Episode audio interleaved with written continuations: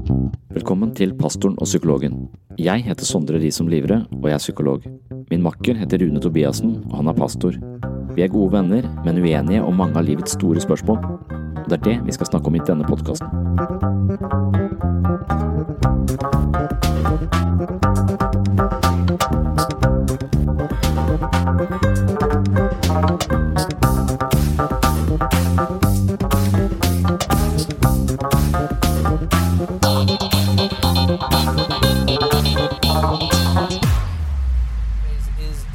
Is there something instead of nothing?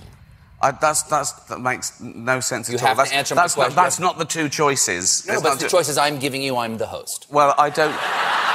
You, you want to concede the debate? Why is there something Uh, This, instead this. of nothing? Hold on. Yes? What do you mean out of nothing? What do you, do you Why is there something instead of why is there nothing? Why, why does the universe exist at all? Why is there something? But surely the bigger question is not why, but how. Well, why is irrelevant? Okay, it? fine. How, how is there something? Because you think of God as the prime mover. How is there anything Well, well, I don't. I don't. This is this is a, a ridiculous Is there a prime mover? If- if is you- there a, is if- there a demiurge that started everything?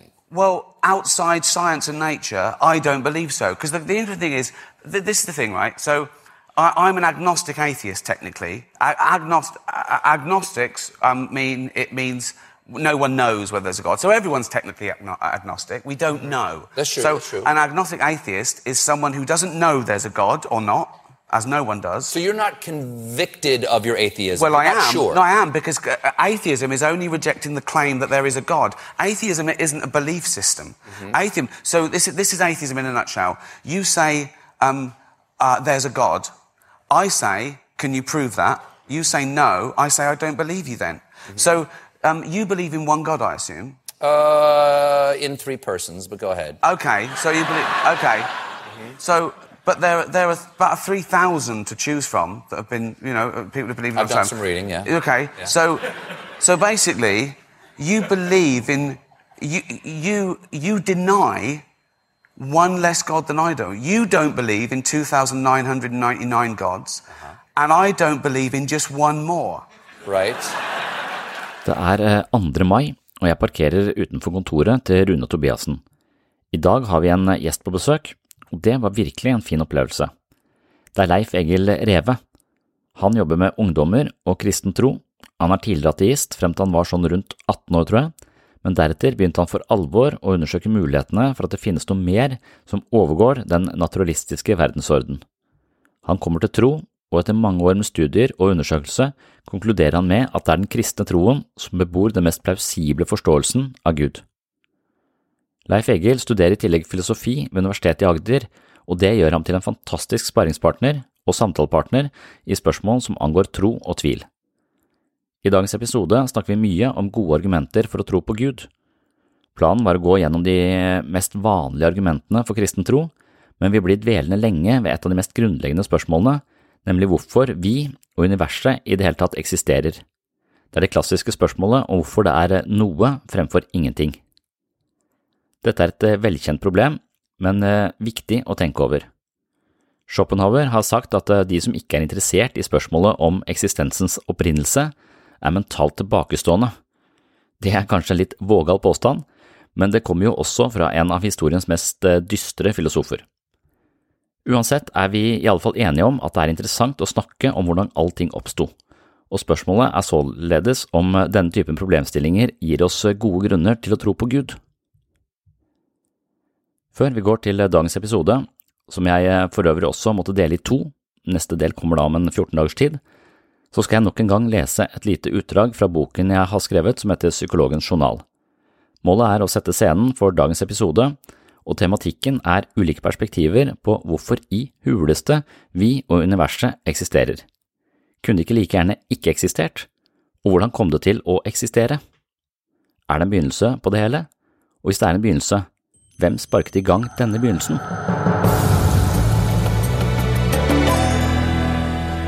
So anyway, you may you may say you know this puzzle of mystery of existence it's just you know silly mystery mongering. You're not astonished at the existence of the universe. Um, you, you and you- you're in good company. You know Bertrand Russell said, you know I I should say the universe is just there, and that's all. You know, it's just a brute fact.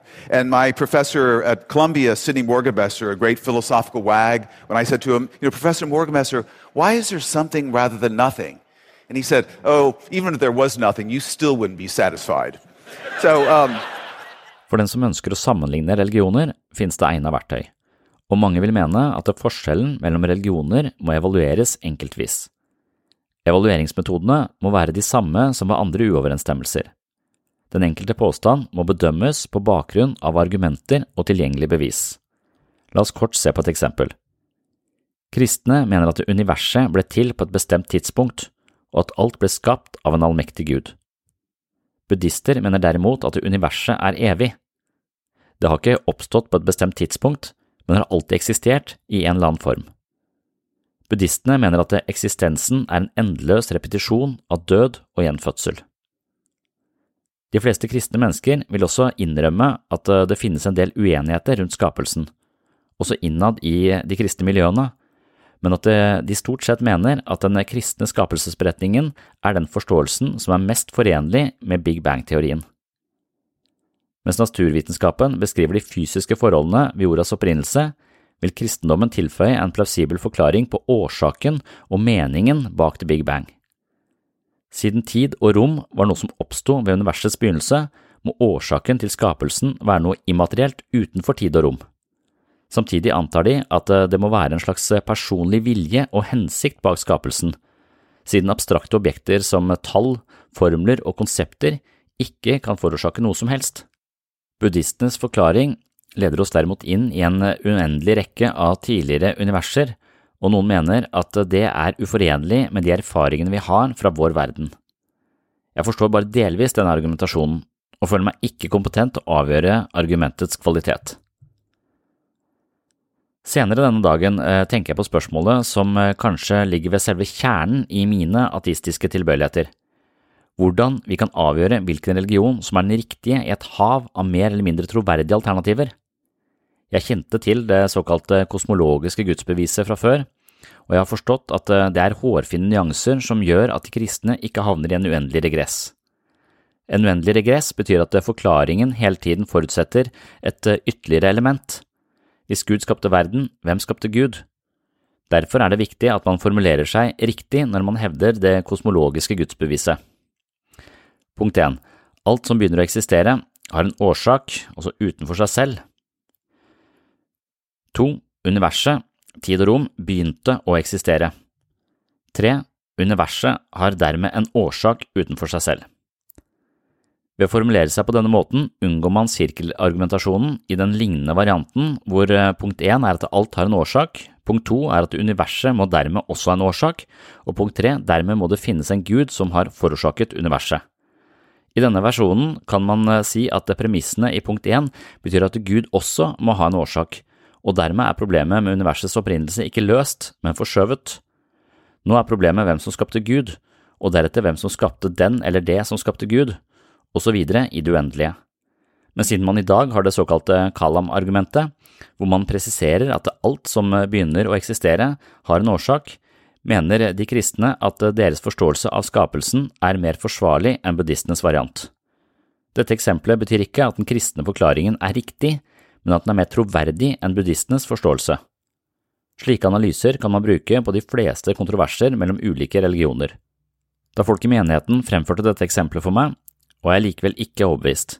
I buddhistenes variant var selve eksistensen evig, men i den kristne varianten var Gud evig. For meg var det ikke åpenbart at det kristne alternativet var det beste. Samtidig følte jeg meg langt ifra sakkyndig nok til å vurdere disse argumentene opp mot hverandre, men i dagens episode befinner jeg meg i kyndig selskap, og nå skal vi gå i gang med hvorfor det er noe fremfor ingenting.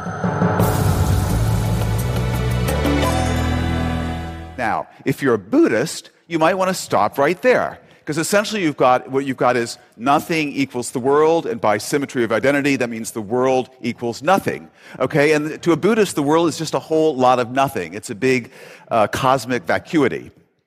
And, uh, you know, we think there's a lot of something out there, but that's because we're enslaved by our desires. If we let our desires kind of melt away, uh, we'll see the world for what it truly is a vacuity, nothingness, and we'll slip into this happy state of nirvana, which has been defined as having just enough life to enjoy being dead. Nei, men da er det egentlig utrolig gøy å kunne samles igjen på, til podkastepisode. Ja. Så syns jeg det er gøy at vi med deg, Sondre, vi har jo hatt en god del samtaler nå. Og vi kjenner Ja. jo at vi eh, vi kanskje havner litt i samme leia hver gang. Eh, og kanskje prøver å utfordre på de store spørsmålene, og du ender opp litt mer på de samlingsetiske spørsmålene, og hvorfor Gud skal bry seg om vår seksualitet osv. Men det som jeg opplever i hvert fall er at, eh, at det er veldig gøy å prate, og så utfordrer vi hverandre. Eh, og så skal vi nå egentlig da i en periode framover ta for oss eh, Grillen kristen. Eh, som egentlig er de ulike kapitlene som vi kanskje har konsentrert oss om eh, og hoppa litt her og der, men at vi kan få det litt mer systematisk. Ja. Um, Nå hoppa du over det første kapitlet, da? Eller?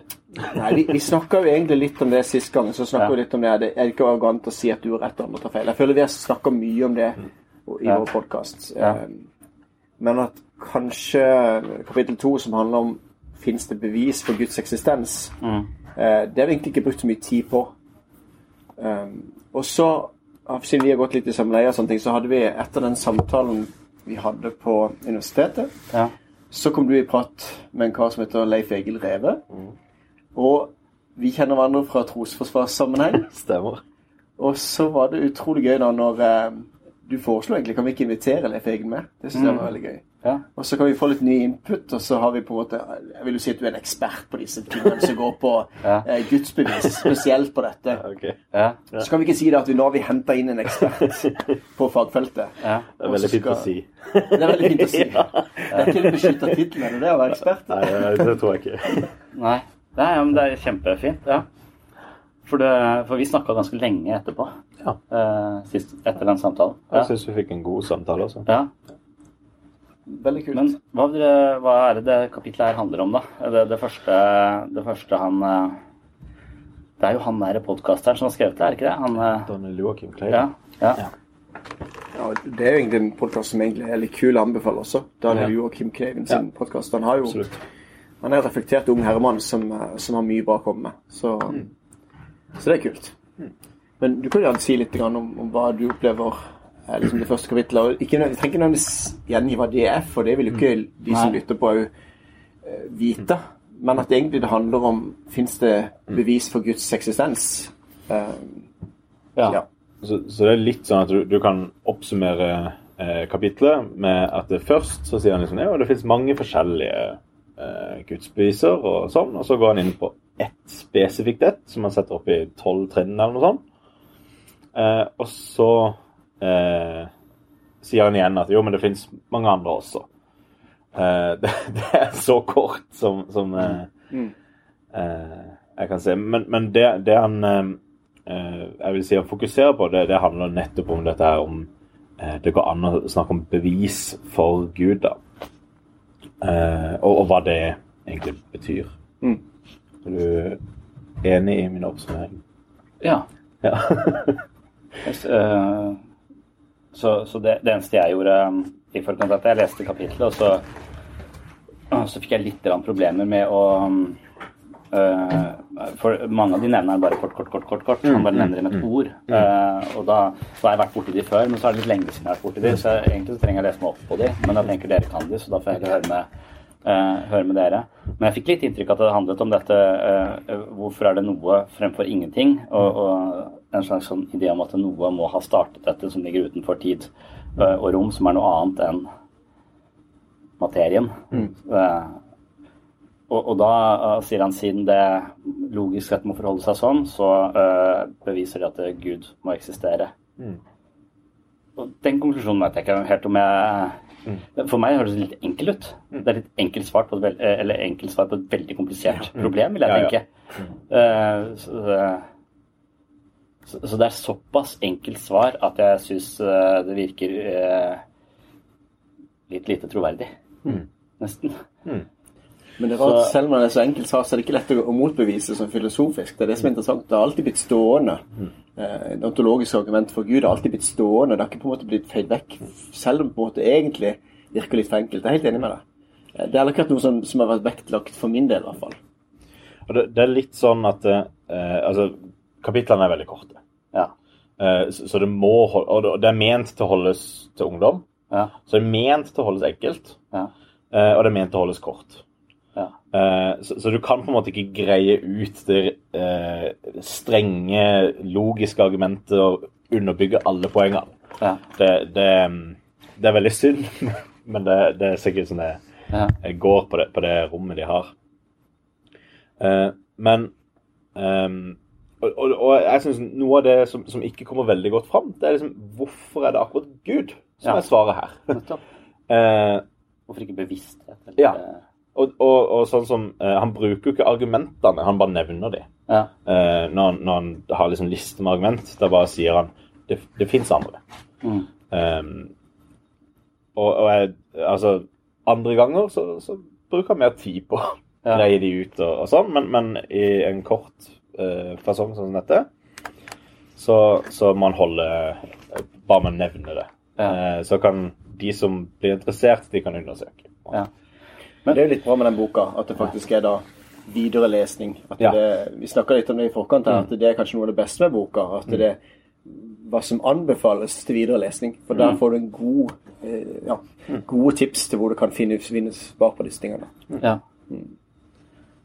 Eh, så, så jeg husker det jeg har lest om det, er sånn type Lawrence Krauss, uh, forsto jeg ikke. Uh, det virker nesten litt religiøst for meg, det også, for han bare forutsetter at eh, noe kan oppstå fra ingenting. Ja. Som en slags forstyrrelse i ingenting, og det er kvantefysikkens eh, lover han? Mm. kaster foran seg. Og det er ikke muligheten til å forstå. Og der har jeg faktisk lest at hvis du tror du forstår det, så forstår du i hvert fall ingenting. Ja, ja. Så, uh, så da kan du bare gi opp hele dritten, liksom. Så det var helt sjanseløst for meg. Uh, men jeg skjønner at han, han mener at noe kan eh, oppstå som en slags forstyrrelse i ingenting. Uh, og ok. Og, og, og, det, og når han da begynner å snakke om det, så er det så komplisert at jeg tenker det er sikkert sant. For det er det ingen som skjønner.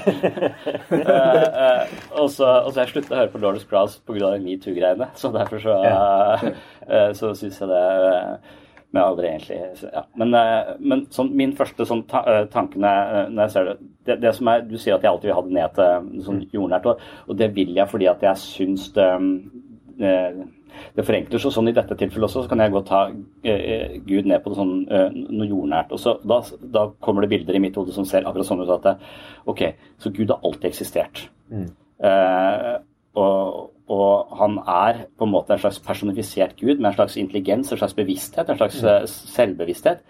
Så da sitter han der, da, i all evighet, og så tenker han Hvorfor i helvete eksisterer jeg? Eh, og så begynner han å lure på det, og til slutt så har han grubla så lenge på det at han eh, blir så lei av å gruble på det at han bare skaper noe annet ut av ingenting. Eh, og det scenarioet der virker også eh, absurd. Eh, så, så når man da svarer eh, Når man da møter dette, ja, så når du da er den eneste tingen eh, som eksisterer, og tenker 'hvorfor eksisterer da jeg', da? I huleste, så, så må det være litt merkelig å være Gud eh, på det tidspunktet det er sånn. Eh, Så eh, for, fordi at hele logikken vi bruker her, er jordnær, logisk, og dermed så blir det absurd hvis vi bruker den samme logikken, eh, logikken videre. Så, så jeg vil tenke at det, å tro at vi bare kan si det, det er å bruke For eksempel så tenker det, det, det, Dette forutsetter at, at tid er lineær. At det har noe som begynner og noe som slutter. For det er sånn vi er skrudd sammen til å tenke. Men hva hvis det er sirkulært? Eh, eh, hva hvis det, det, det, det er utenfor vår fatteevne? Hvordan Så årsak-virkning sånn Når du var liten, så tenkte du hva er uendelig? Hva er egentlig uendelig? Og så var det noen som sa til meg ja, hvis du flyr lenge nok ut, så kommer du tilbake til samme sted. Hva hva faen er logikken i det, da? Eh, eh, eh, så, det er sånn der at det, ja, det må du bare akseptere, for det er det. Er det noen som har prøvd det? Jeg vet ikke. Det er noen som har regna seg fram til det. Og, og, og det er bare sånne, eh, sånne ting som, som, eh, som man ikke kan begripe eh, med hodet sitt, men man må forstå ofte matematikken i det, kanskje. Kanskje det er sånn man kan regne seg fram til det. Så for ta det helt konkret, da, så, så er det forutsatt at det, det er sånn at du går ut denne veien i universet, Ja. og så kommer du tilbake til den plassen igjen. Fordi at det egentlig er en eh, kule. Det er egentlig tanken bak det. ja. Så, så hvis du kjører ut av kula Ja, nettopp. Så hvis du tar, går ut den veien i uendelighet, så vil Ja. du aldri komme tilbake dit. Ok, du, Du, altså, det er jo ikke sånn det funker. Men det, det er jo på samme måte som hvis jeg bare kjører vestover. Ja. Og i det uendelige ja. Så kommer du tilbake hit? så kommer jeg tilbake hit. Ikke ifølge de Flat Earth-folka. Ja, jo. For Da ramler du kjører under? nei, nei, vestover vil det funke, men ikke nord og sør. Ja, OK. Vestover vil det funke? Ja, ja, at de tror Bor vi ikke på en pizza? De tror, Ja, det er akkurat det de tror. Ja, så så eh, hvis du går vestover, så går du eh, bare i en indre sirkel. Å, Ja. Så veien ut er nord og sør? Nei, altså, Uten av pizzaen? Nord er inn i midten. Sånn Truman Show-aktig eh, Yes. idé? Ja. Heldigvis kom vi inn på flat jord. Det, Jeg tror vi dropper den. den konspirasjonsteorien. Poenget er egentlig at det, jeg synes det er litt gøy også. Jeg er enig med at det kan bli veldig stort. Det kan bli veldig sånn men, men det som er litt kult når du sier veldig jordnært, at du vil trekke det ned til jorda Ja, men Det jeg, det jeg Gud vet egentlig det er feil å gjøre det. For jeg tror å tro at vi skal forstå det, Ja. blir eh, simplifiserer det. Men kanskje at det, Jeg tror ikke det er noe sånn at, eh, at eh, Gud er sånn, men for at vi skal kunne forstå han, så, så er jeg takknemlig for at han er blitt jordnær. Ikke sant? Jeg blir takknemlig for at han, at han snakker samme språk som oss, men, men i vår enkelhet ikke sant? Å kunne forstå Gud, det kan vi ikke. Men hvis folk bruker sitt intelligent, eller intelligent, hva heter det? Intellekt, heter det. Hvis de bruker sitt intellekt til å bortforklare Gud, så vil jeg bruke mitt lille intellekt til å si at det er for enkelt. Men vi kan jo aldri forstå Gud. Vi vil jo aldri kunne eh, gripe han. Men det, noen bruker det som et argument for at da kan vi ikke skjønne noe i det hele tatt, og så kan vi ikke snakke noe om i det hele tatt.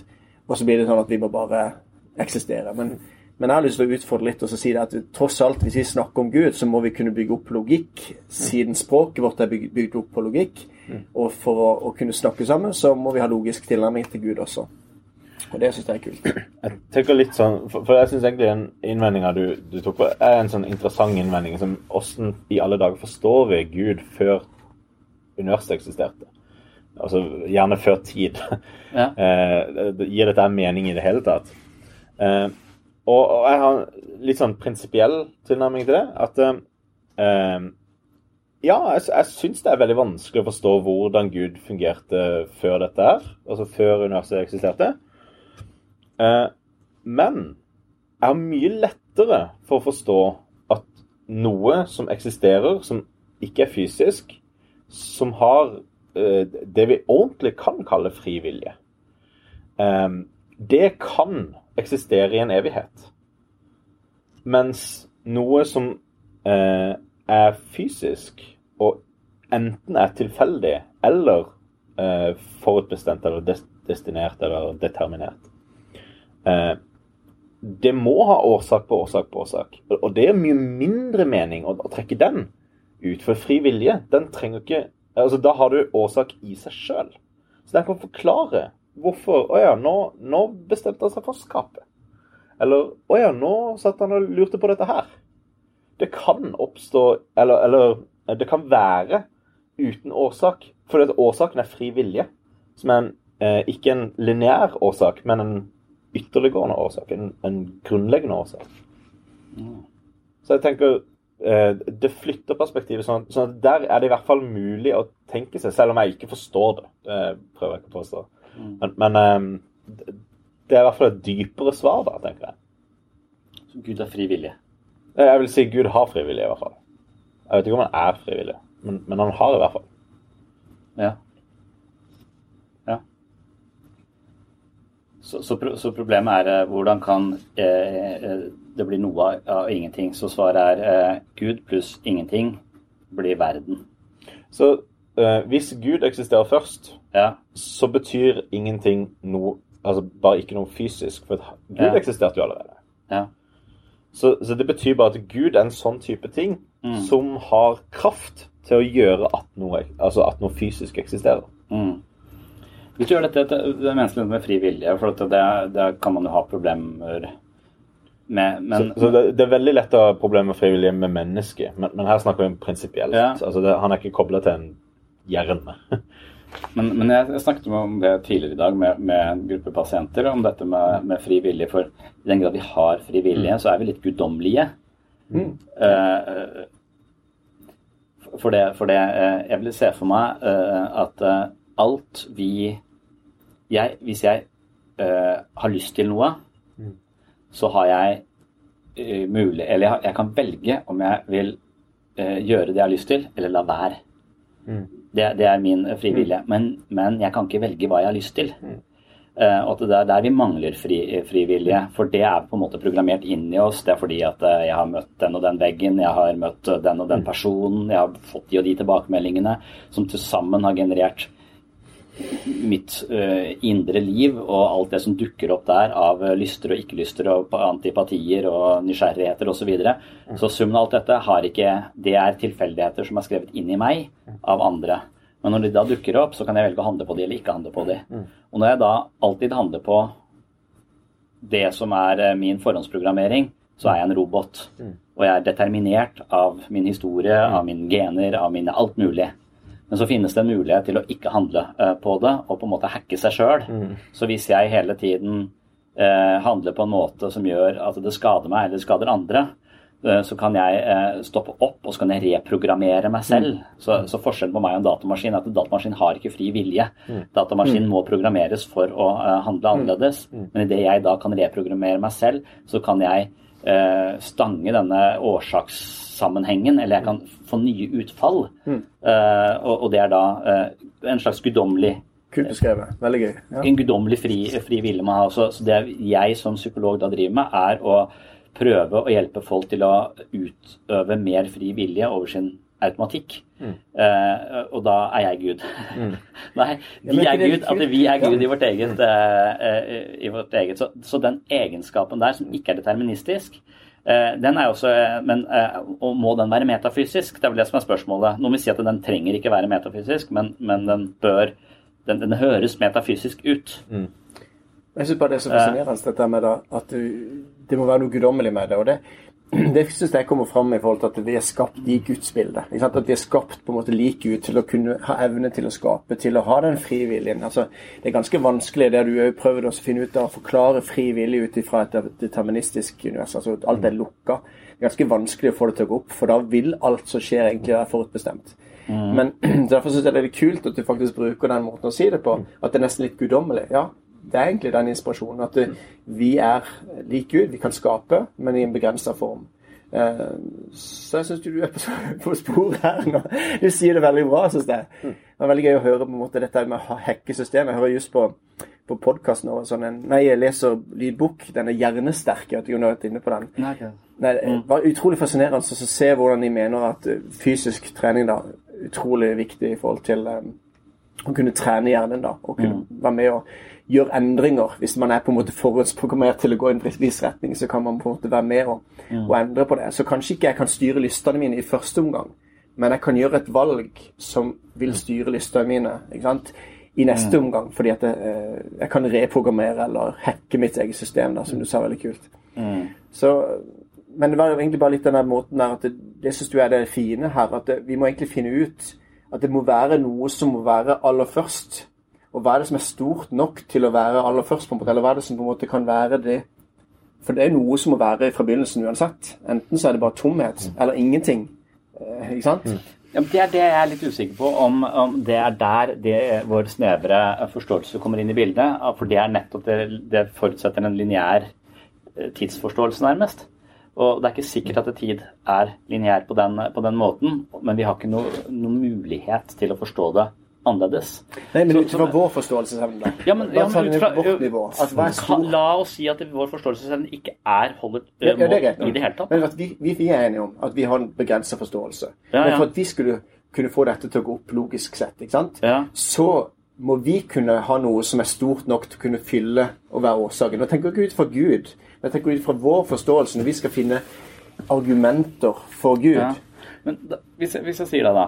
Eh, det der tankeeksperimentet om den der gress... eh, nei, hva heter den? Eh, den skilpadda. En skilpadde og en hare som løper om kapp. Ja, ja. Men så skilpadda starter alltid foran. Eh, Den starter 100 meter foran. Så når haren kommer til der skilpadda starta, så har skilpadda alltid kommet litt lenger. Så, så sånn vil det alltid Så man så for seg at haren kan aldri ta igjen skilpadda. Fordi hver gang haren kommer der skilpadda har vært, så har det gått litt tid. Og den tiden så har uh, skilpadda alltid beveget seg litt videre. Så i prinsippet så kan haren aldri ta igjen eh, skilpadda. Men vi vet jo at en hare tar igjen skilpadda. For vi har sett det. Men det var vanskelig. Det tok jo mange tusen år før man forsto det der. og Jeg kan, ikke, sånn, jeg kan la meg overbevise av det argumentet nesten eh, selv, for at jeg er logisk litt tilbakestående. så jeg, jeg, kan- jeg kan ikke, men, men, men da måtte den type kalkulering til, en type matematikk til, til å forklare oss hvordan en halv pluss en fjerdedel pluss en åttendedel pluss en sekstendedel til slutt faktisk blir én. Og det er akkurat i dette punktet hvor haren eh, tar igjen skilpadda. Og eh, det, det var matematiske modeller eh, som kunne, eh, kunne på en måte sprenge intuisjonen vår, eller, eller kunne ta oss videre, kunne åpne dette som ikke var tilgjengelig for vår logikk i det hele tatt. Så det måtte være eh, matematikk som, som tok, oss, eh, tok oss videre. Så Dermed så kan jeg mistenke at det er noe av det samme med denne forståelsen at det må ha vært noe før eh, dette. At det nettopp er en sånn type eh, logisk mangel vi har, som gjør at vi, vi hele tiden kommer til å tenke det inn i de banene, og derfor går glipp av hele problemet, og i hvert fall løsningen, hvis det finnes en løsning. Så det er noen som sier at vi er fem Einstein fra å forstå universets opprinnelse. Ja. Uh, og, og jeg Da venter jo Ja. For å ta den uh, haren og skilpadda. Altså, problemet der er at du tar dem i rela eh, relasjon med hverandre. ja. Uh, du- du ser jo ikke på absolutte farter. Så Nei. hvis du hadde sett på absolutt fart, så hadde du sett det at det åpenbart uh, den løper 10 km i timen, den løper 2, så Ja. den passerer. Ja. Og det kunne du fint beskrive med matematikk. Det var ikke noe problem å beskri- beskrive det med matematikk. Nei. Eh, det var relasjonen, eh, og der hvor du setter premisset at du følger harens progresjon og ikke eh, skilpadda. Da gikk det. Men det var fordi det var virkelighetsfjernt at det ikke funka. Mm. Eh, og la oss si universet går eh, i sykluser. Du går rundt og rundt og rundt, og du kommer til deg sjøl igjen og igjen og igjen. og igjen. Mm. Da har du en donut her, Mm. men den donuten trenger jo like mye en forklaring. Ja, og der er det en infinitiv regress. Eh, Da, da, da har du klart å ordne en, en eh, Her går det uendelig rundt og rundt. Det er jo klart å ordne. Det, det er ikke noe problem. Men, men den donuten krever jo like mye en forklaring. Hvorfor er den der? For, for den kunne jo vært radikalt annerledes på alle måter. Men han er akkurat sånn som han er. Og han er akkurat der. Eller ikke akkurat der, men han er i hvert fall Han er. Og og det krever forklaring på samme måte som hvis det eneste som eksisterte, var en bok. Så hadde det ikke vært nok bare å si at jo, jo, men, men det er jo bare en bok som eksisterer. Du må jo forkl- altså, den trenger en forklaring. For, for den er en sånn type ting som trenger en forklaring. Og det er også universet hvis det går i sirkler. Det som jeg synes er litt kult, er at eh, mange bruker et argument mot kristne med at ja, men OK, vi lar Gud være forklaringa på universet, men hvem skapte Gud? ikke sant? Så man går hele tida lenger og lenger ut. Men, men det som egentlig er litt interessant, er at vi må jo være enige med at vi er, vi er enige med vitenskapen at dette kan forskes på. Vi kan ikke forske på det som er utenfor, men vi kan forske på det vi kan forske på. Det er det vi kan se og måle og veie her. Og hvis det da er universet, så basert på den forskninga, så kan vi si noe om, om hvor, hvordan Gud er. ikke sant? Så da kan ikke jeg på en måte ha en evighetsrekke av årsak eller forklaringer i en sånn evighet utover. For det, men jeg må forklare hva som er stort nok til å på en måte forklare dette universet. Og da vil Gud være en Vi kaller det for Gud, men det, det er på en måte det som vi da forklarer vil, vil være en, en, en forklaring som er god nok til å kunne forklare hvorfor ting er. Ja, Alternativet er jo at det bare oppstår av seg sjøl, f.eks. Og det, derfor syns jeg det er logisk at det det er noe intellekt, intellekt, intellekt, intellektuelt Jeg klarte ikke det ordet. Det er ikke nok intellektuelt, tror jeg. Men at det, at det er noe intellektuelt som står bak, og som på en måte da eh, Jeg syns Gud har på en måte de egenskapene som forklarer at universet er blitt til. Følger du? Ja, men jeg syns bare dere da liksom tar patent på at eh, vi har starten, så alle andre som prøver å lage en, eh, en start. og Det, det, er, en, det er enkelt å, å bare si det. Jeg syns ikke det er overbevisende. Hvorfor ikke bare si bevissthet har alltid eksistert, eh, og bevissthet kan materialisere seg. Eh, det er, det er, eh, men er Gud bevissthet? Nei, bevissthet er bevissthet. Det er det som er i alle mennesker. Det er det vi, bevissthet er alltid en relasjon til noe annet enn seg selv. Derfor forstår du aldri din egen bevissthet. For bevisstheten din er det du er oppmerksom på andre ting med, og deg selv. Så du er bevisst deg selv, men du er aldri bevisst bevisstheten. Du er bevissthet. Du er bevisst, men du er ikke bevisst hva det vil si å ha en bevissthet. Derfor går du glipp av hele, hele problemet. Det er det som alltid har eksistert, det er det som har materialisert seg. Jeg liker sånn eh, Jeg blir sånn OK, det, eh, det vil ikke være noe mindre Noe dårligere forklaring enn den dere Nei, og, og, uh, har, på en måte. La oss ta det. Altså, OK. Godt, eh, godt forslag. Ja, Um, godt forslag. ja, ja, jo her. ja, jo, men, men, men kjempegodt forslag. Ja, ja. Um, uh, hvis eh, det var tilfellet, så skulle en f.eks.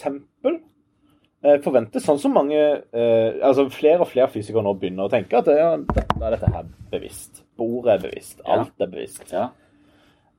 Men det har vi i hvert fall veldig liten empiri for å si. Og det, det er litt sånn at OK um, La oss nå forholde oss til, til virkeligheten. På, på, med det kunnskapsnivået vi nå har, så kan det selvfølgelig endre seg. Uh, og det vil kunne endre seg begge veier. Det kan være at det blir enda sikrere at ting ikke er bevisst.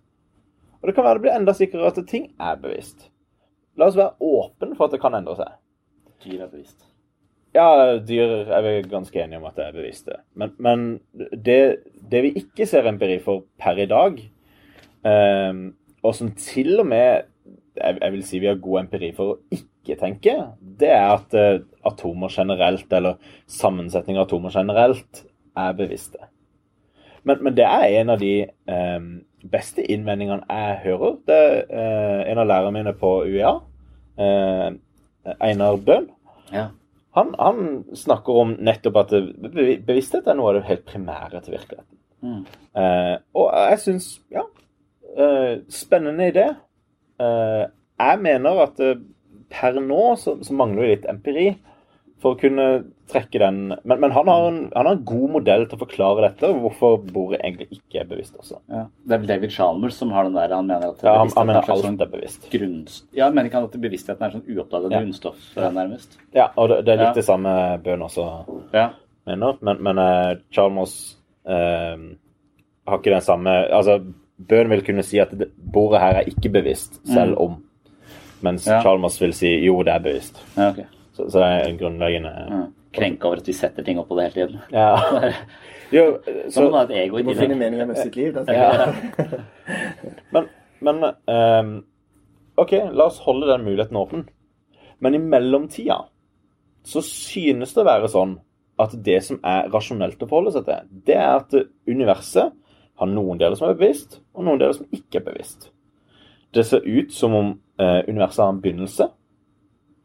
Eh, så kan det være at eh, eh, problemet her er at vi, vi ikke ser syklusen. Ok, helt greit, men, men til og med om vi tar med syklusen, så løser ikke det problemet. Det løser ikke problemet med, med hva forklarer at vi er her. Så, så det er noe som må forklare at vi er her, Men bevissthet løser det problemet. potensielt. Ja. Jeg er enig, det potensielt kan det være at bevissthet løser det. Men det krever allikevel en del ting av bevissthet. Det krever at eh, bevissthet er en Krever sånn det samme av bevissthet som det kreves av Gud? av Yes. Gud. Og det er poenget. Ja. At det, eh, det kan godt være at vi kan kalle det bevissthet Ja. i stedet for Gud. Ja. Mm. Men, men hvis det har alle kvalitetene som, som Gud har, Ja. så er det kanskje litt rart å kalle det bevissthet. Men, men, men det er helt greit. Vi kan bruke den. Eller kanskje det ville hjulpet litt? Ja, ja, ja. Meg? Ja, ja, ja. ja. Ja, men ikke sant? Ja. At du har så mange konnotasjoner eller sånn, ting som ikke du ønsker å forbindes med i forhold til det å tro på Gud. Ikke sant? Men egentlig så er det jo det at vi kaller den bevisstheten den, ikke sant? for Ja. Gud. Det, det første som var. ja, det, Det er det, det, er det vi mener når, når vi snakker om Gud. Så det første som var. Og, og da, da er for meg det, det, som, det som Derfor jeg alltid vi kommer i sammenheng, er for at det, dere, dere, dere insinuerer at dette, denne bevisstheten har et ego, syns jeg. Noen som har tenkt noe. Altså, og det er der jeg mener at det blir for jordnært. Det er, det er, Ja. jeg mener at Gud jeg, jeg tror det, det er det er øh, hva heter det når vi tilskriver andre dyr vår menneskelige egenskap, antropomorfisme. Ja. Så er tre nok. Antromo, ja, så det er vanskelig å bruke det som et verb. Antropomorfisere. eller? ja, så, eh, men, eh, Å gjøre menneskegjøre. Ja, menneskeliggjøre.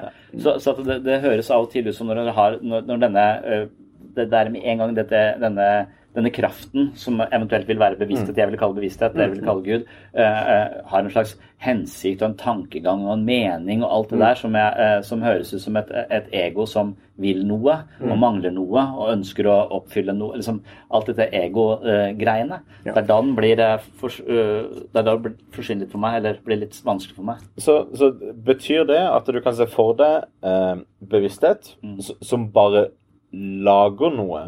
Altså, det, det bare skjer. Ja. Eh, men dette har eksistert i evig tid, Ja. fordi det var det første som var. Ja. Eh, så, så da har bare alt skjedd ut av dette. Mm. Um, hvordan um, forklarer du da at det ikke skjer her og nå? For vi, vi ser ikke bevissthet gjøre ting, altså uh, produsere ting, i dag. Um, jo, det føler jeg vi gjør hele tiden. Ok. Ikke manipulere ting. Altså det, det, det, er- det er at la, la oss si bevissthet eksisterer, så, Ja. så er det en sånn type ting som, som flytter på kroppen min og, og alt mulig sånn.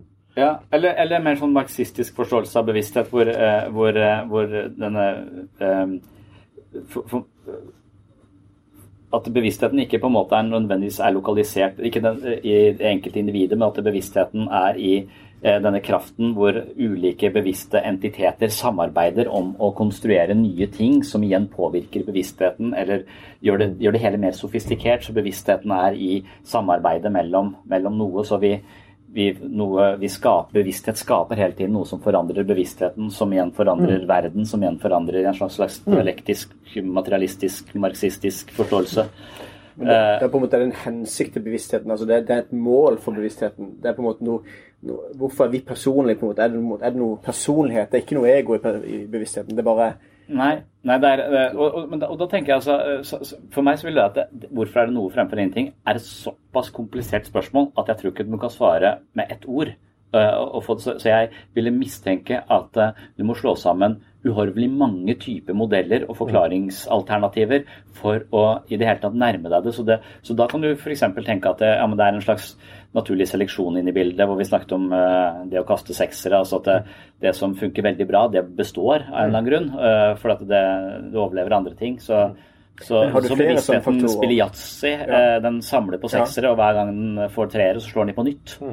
Eh, Så, så er evolusjon, da. Ja, Ja. Men, men denne her be bevisstheten Mm.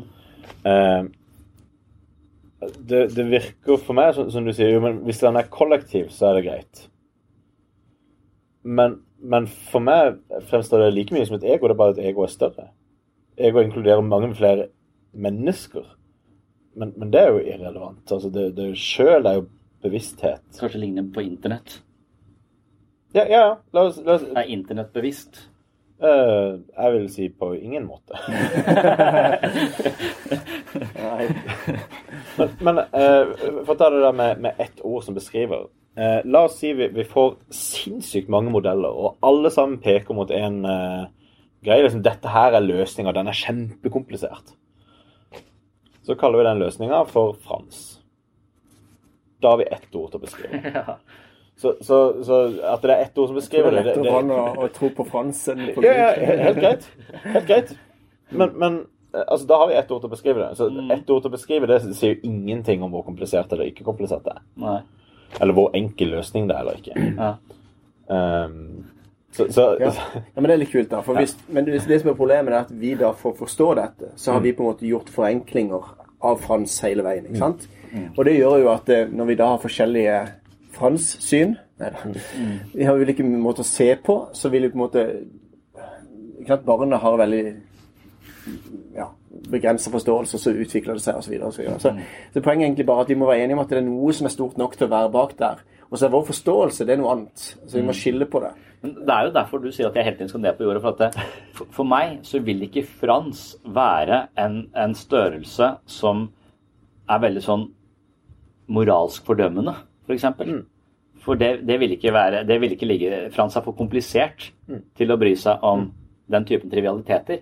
Så Derfor så er denne bevegelsen Så Frans er mer uh, Frans høres ut som et mer sofistikert vesen enn en det som beskrives, ikke sant? Men Så hvordan ser du på deg sjøl, da? Ser du ikke på du Altså, jeg syns det er fint å kunne ta utgangspunkt i meg sjøl og tenke at det, at det er noe verdt. Og Hvis jeg skal si bare at vi er ingenting verdt, og sånt, så, så, så stemmer ikke det overens med min erfaring og menneskets altså erfaring av oss sjøl.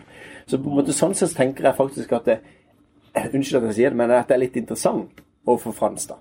Altså at det er, på en måte, det er, Gud syns at det er på en måte interessant, og det syns jeg Hvis ikke er det eh, Hvis på en måte det blir for, for for lavmål å være opptatt av mennesker, for de er så utrolig lett altså, De er ikke kommet så langt. Ja. Eh, Så, så tenker jeg at det, jeg velger å snu på det. Ja, vi er egentlig noen dyr, noen enkle vesener. Vi er litt støvkorn, og vi er en fis i universet og sånt. Men samtidig så på en måte er det noe guddommelig, som du snakker om i stad, som er i oss, og som gjør at det på en måte verdens eh, skapers øyne er retta mot meg. Altså, så Derfor så tenker jeg at hvis utgangspunktet er at vi tror vi er verdifulle, vi tror vi på en måte har noe å komme med, så tror jeg faktisk at det også er litt viktig at det henger sammen med, med syn på Frans. da. Jeg blir litt usikker på, for Der tror jeg du sier to forskjellige ting. For det, okay. for det ene er at det, Jeg fast. jeg er veldig usikker på, uh, på ideen, uh, den der ideen om at vi blir sett og, uh, som du sier, bedømt eller vurdert eller anerkjent. Eh, det tror jeg er et veldig menneskelig Det er et egobehov for meg. Og det tror jeg mennesker har. Og jeg tror det er en av de tingene som gjør at vi lider og sliter. på en måte. Så hvis vi kan frigjøre oss fra de behovene, så tror jeg vi har kommet kjempelangt i vår egen, vår egen utvikling. Og det at vi da iscenesetter eh, når vi mangler de, kanskje setter det opp der. Det, det tror jeg er en veldig sånn psykologisk eh, forklaring på hvorfor vi har den Hvorfor Frans skal være sånn eh, oppmerksom på oss. Ok, Men da snakker du om det å dømme og sånne ting. ikke sant? Det kan godt være. Eller å dømme seg sjøl eller dømme andre. Og Det er jo ikke det det går på, men det går Ja. på at det noe på en måte er at, at, vi, at vi tror på en måte det Vi har lyst til å beskytte det vi har skapt, der, f.eks. Altså, jeg, jeg tror jo at Gud faktisk da vil det beste for meg. Og at han på en måte ønsker å beskytte meg. og Derfor så ønsker han at jeg skal holde meg borte fra det som ødelegger meg. Og da tenker jeg så naivt om at det, det fins et godt liv for meg. og Derfor så tror jeg at eh, jeg tror at Gud vil meg vel, da. At Jeg føler ikke det er sånn lavmål, at Gud skal dømme meg. sånt. Nei, det handler ikke om det. Det handler om at jeg, jeg, jeg ser at eh, jeg sjøl er dømt, holdt jeg på å si. Men, det dere sa i stad, at, det mm, at det, ja, men er bevisstheten er det bare sånn helt random hva som materialiserer seg? Eh, og så tenker jeg at det, det kan godt hende det er det, og, og det er helt random, og så er det tilfeldigvis dette som har materialisert seg i vår lille flik av eh, kosmos, kanskje. Eh, og, og da blir det litt sånn der Ja, men hvorfor kunne det ikke vært noe annet? Jo, det kunne helt sikkert vært noe annet, men, men det er litt som å si at eh, Ja, det som vi snakket om der, altså Hvorfor ligger Norge her? Det kunne ligget i Sør-Amerika. Ja, men Norge ligger her, eh, og det er bare sånn det, sånn det blei. Eh, og at, eh, at det, som har materialisert seg, er langt ifra perfekt eller fullkomment. Det er ikke helt på trynet, for det bærer en viss grad av meningsfulle liv. Og selv om ikke livet vårt er så meningsfullt, så kan vi skape menings, mening i det, og det er ikke så verst. eh, bare det. Men jeg tenker jo på at det, også, også denne randomheten som har skapt alt dette, det er litt den samme randomheten jeg kan føle overfor meg selv. Altså, eh, hvis, du, hvis jeg tenker på hva, hva, hva er sannsynligheten for at jeg eksisterer? det er random. Og det er ganske liten. Eh, altså, der har du en milliard sædceller, du har eh, to mennesker, eh, du har så mange faktorer som skulle klaffe for at jeg eksisterer. Eh, og det er jo et mirakel at, at, Oi, at jeg Jeg. Men, det er, men det at jeg gjør det, eh, det betyr ikke at eh, det, det, det er bare sånn det blei. Um, Så uh, poenget mitt med, med bevisstheten Ja. som, som Altså hvis- han material, materialiserer universer, mm. så er, vil jeg si da burde vi også se at bevisstheten her materialiserer ting. Men det ser ikke ut som ting Altså vi har to grunner til å tro at ting ikke kommer ut av ingenting. Det ene er at eh, vi, vi forstår ikke hvis det hadde vært mulig. Ja? Det andre er at eh, det vi vanligvis ser, er også at det ikke skjer. Det er ikke som jeg skjønner det. Så, så uh, vi kan bytte ut ingenting med bevissthet. Og så kan vi si OK, men hvis bevissthet er en sånn type ting som, som gjør at universet begynner å eksistere, det materialiserer ting, eh, så skulle en forvente at også i vårt univers, som er materialisert av bevissthet, så materialiserte bevisstheten ting. Men det ser vi ikke. Vi, vi ser ikke at ting oppstår.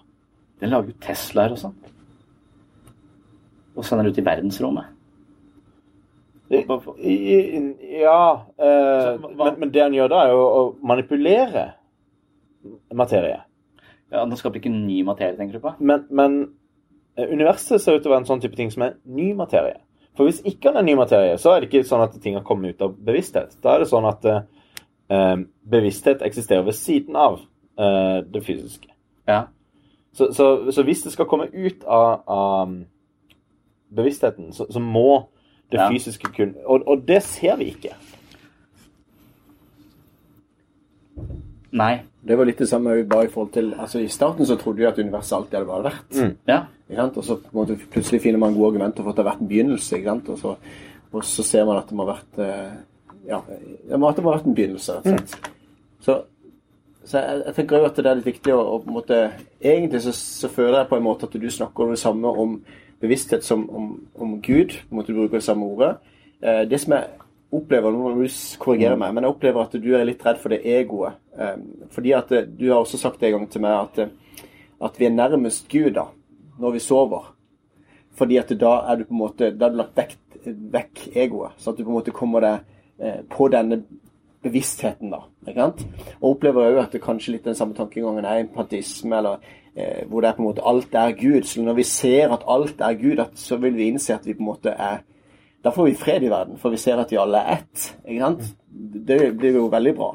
Så, så på en måte så tenker jeg at eh, Når du, det eh, ligger nærmere meg å tenke sånn. ja, det er det jeg har forstått litt. Grann. Og Ja. da tenker jeg at det er det egoet som er med og forstyrrer. Enten det handler om vi mennesker, at ikke vi klarer å se bevisstheten eller Gud, fordi at ego ødelegger. Eller at vi ikke kan ha noe ego i Gud. At vi ønsker bare en bevissthet. Var det litt sånn Ja. Ja. Og når jeg mener at vi er nærmest Gud, så vil jeg bare si at, det, for at jeg bare forestiller meg at det, vi er egoet vårt. Vi sovner, vi drømmer, vi konstruerer hjernen vår konstruerer, eh, bearbeider virkeligheter som ikke er like virkelige som dem, men ikke kan oppleve det like virkelig. Det er fortsatt et ego der, en følelse av en dømmelse av det er bra, det er dårlig, det er skremmende, det er eh, Ja. fint. Ja. Men så forsvinner det, og da er det ingenting. Ja. Det er bare bevissthet som ikke er, har noe objekt for seg selv. Så det er en, det er en ren, det er ren bevissthet uten å være bevisst noe. Og det vil ikke vi være bevisst, for det, eh, be- bevisstheten har ikke noe å være bevisst om lenger. Så vi, alltid, vi identifiserer alltid med dette, men vi egentlig er dette. Eh, men det kommer vi aldri til. Så kanskje det kan være sjel, da. eh, eller bevissthet, eh, eh, eller noe. Og så våkner vi, og så er vi fanget her igjen. Og det er her ute vi tror vi skal forstå uh, Gud, og Ja. dermed så uh, Og her er det så mange intensiver om hvorfor og hva og frykter og alt mulig. Så dette forkrøpler alt Egoet vårt lurer deg alltid uh, inn i noe fucked up greier som, som sannsynligvis er feil. Det er derfor jeg sier at alt du tenker og føler er feil. Eh, fordi det er alltid forkludra av denne eh, operativsystemet i egoet ditt. da. Men samtidig, jeg er er med på den, og jeg ser at det kan være noe fornuftig i det. Men samtidig er det ikke litt fint å tenke at, du- at det, hva er igjen av Sondre, da? Hvis du tar vekk alt det der egoet og alt det der eh, som på en måte forkrøpler alt, da. Ja. Hva er igjen av det? Ingenting. og det er, er derfor Hvis jeg skal være eh, religiøs, så vil jeg tenke at det, ok, det som er, er bevissthet. Det kan være at det, bevisstheten som er materialisert i meg, eh, kan på en måte, hvis den er ikke fysisk, overleve meg. eh, og eventuelt materialisere seg i noe annet, eller, eller bare gå inn i bare den, Kanskje den bare er utenfor hele tiden. Og, Ja. Så, så, Så det er ikke igjen noe av Sondre? Altså, du kan, Nei, ikke, på en måte, det du kan ikke finne Gud, på en måte. Da er det bare Nei, det- jeg vil ikke, vil ikke ha noen, noe, noe ego som fortsatt er der. Og, og, og, så, så det egoet vil, vil bli, bli borte. Og, det er jo, og da er det ikke noe Det er ikke noe vits i, liksom. Jeg ser litt trist syn på, på deg sjøl, på mennesket, da. Ikke det, men altså Ja. mennesket. For jeg syns det er utrolig Jeg synes det er utrolig fint da at selv meg med den derre Altså, du så kan skamme seg over seg sjøl mange ganger, ikke sant? men poenget allikevel likevel så er det så takknemlig for at det akkurat er at det at, at er meg som på en måte Ikke sånn at hvis jeg hadde vært noen annerledes, eller hvis, men, men i den eh, forkrøpleheten så er vi interessante for bevisstheten, for Gud. Altså, det syns jeg er noe fascinerende. Jeg avbryter litt. Jeg måtte bare få fullført det den. Altså, når, når jeg eh, begynte å tro det fantes en gud, mm. så så jeg på begynnelsen på universet. Men du kan si det kort, kan du ikke si det? Jo, For du jo. har jo alltid vært en kristen, du. Ja, så, så jeg, jeg var ateist fram til jeg var 18. Ja. Eh, da begynte jeg å tro det fantes en eller annen gud. Eh, og det jeg, det jeg gjorde da, var en vurdering. Eh, jeg så på begynnelsen på universet, og så ser jeg at det, her ser det ut som om eh, empirien den peker mot at Eh, ja, det, det, det, vi kan undersøke, det er en sånn type ting som har en begynnelse. Eh, og, og da er det eh, Det er egentlig bare tre muligheter. Noe må ha vært det som var det første som var. Og, og hvis vi ønsker å trekke ut tid, så tror jeg prinsippet står. Det er noe som må være forklaringer til alt. Um, enten så er det ingenting, og, og uh, da mener vi faktisk ingenting. Eh, og, og det, det, er til og med Kraus enig i, at det, det kan ikke engang eksistere. Derfor så kan vi bare se bort fra det. Så når han snakker om ingenting, så snakker han om syv andre versjoner av ingenting. Derfor så kan plutselig ting komme ut av ingenting. Um, eller så er det mer av det som er, mer av det som vi kan undersøke. Uh, men her er jo tilfellet nettopp at alt det vi vet om dette her universet, det peker mot at det har en begynnelse. Mot, at det er et tidspunkt det ikke er. Og siden det ikke kan komme ut av ingenting, så må det være et siste alternativ. Og det alternativet, det er bare noe annet. Noe som ikke er den typen ting vi kan undersøke. Kall det gjerne bevissthet. Kall det gjerne et eller annet Jeg valgte å kalle det ikke-fysisk.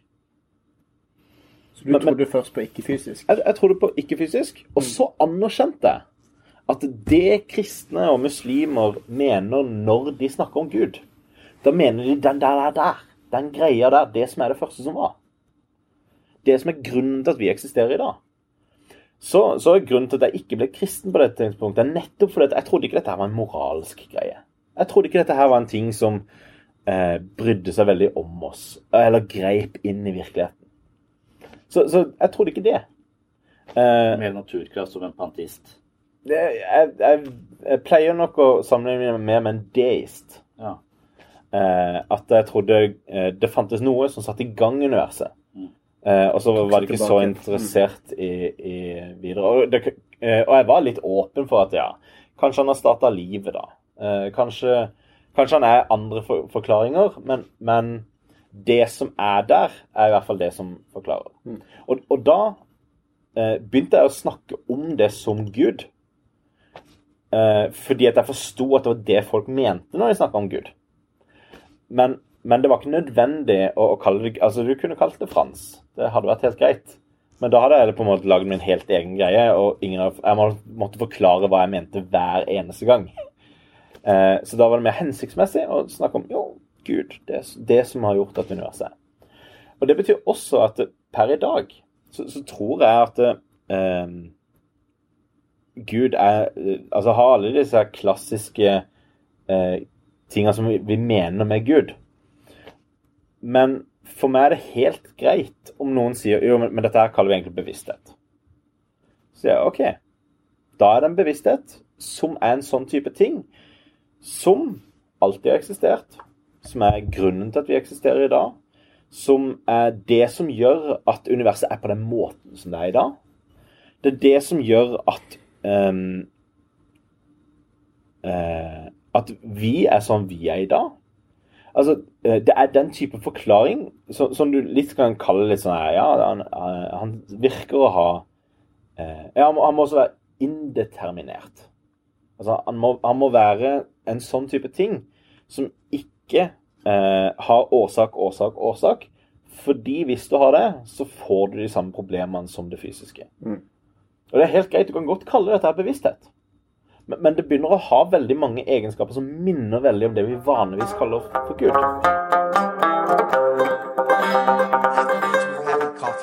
You know, like adults do, and we were talking about politics, which I know nothing about, but it's never stopped me from having an opinion. And we were saying this, and I said, you know, I, I vote this way because I'm a Christian and I believe certain things and that I want to, you know, see happen or whatever. And and Nancy, who was a friend of Brenda's, spoke up and said, Well, I don't believe in God. And I vote the opposite of you. I didn't care how she voted. All I heard was, I don't believe in God. I got so excited. I'd never had one in my home before.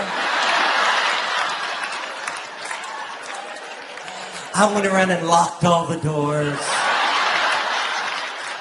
I said, You're going to be here a while. Oh, we had a wonderful time. I, I started explaining. I said, you know what? I would be an atheist too if, if I had that much faith. It takes a lot of faith to believe all the order around us evolved from some gaseous belch in the universe six billion years ago.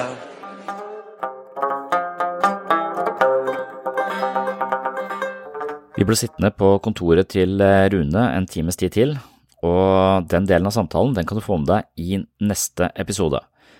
Nå gjenstår det bare å takke for eh, følget, takk for at du hører på Pastoren og Psykologen, og takk til alle dere som eh, har anbefalt podkasten til venner og bekjente eller gitt den stjerner i iTunes. Det er også veldig hyggelig med kommentarer i iTunes.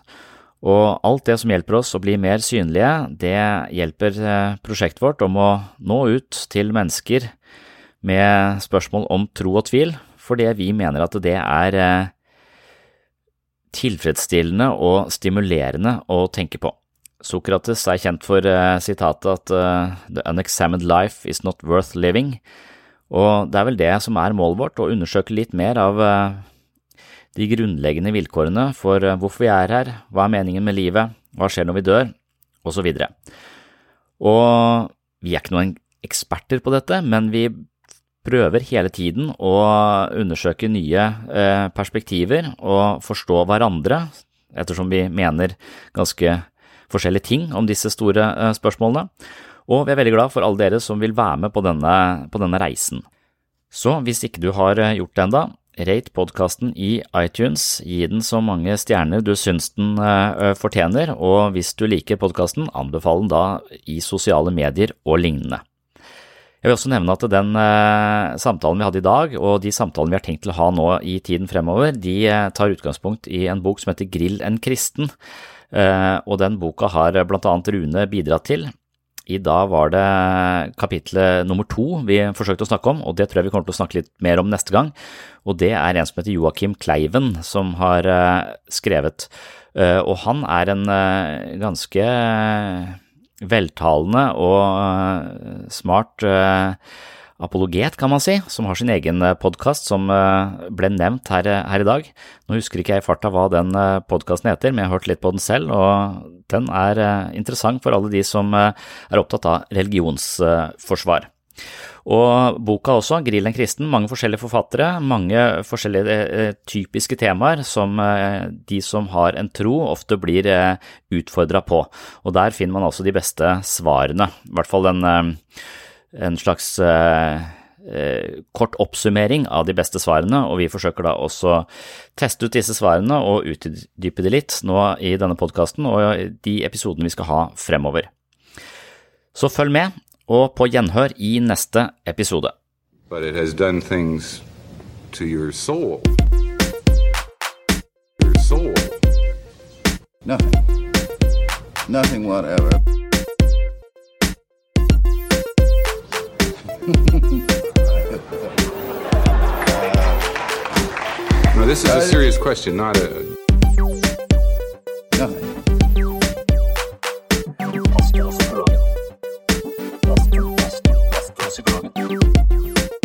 Takk for at du hørte på Pastoren og psykologen. Har du spørsmål til en av oss, eller begge to, så send de til eh, pastoren at webpsykologen.no. På gjenhør i neste episode.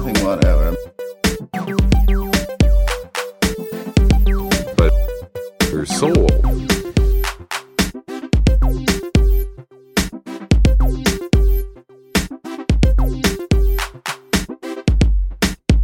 The earth is full of them. Sorry, but that's the way I see it.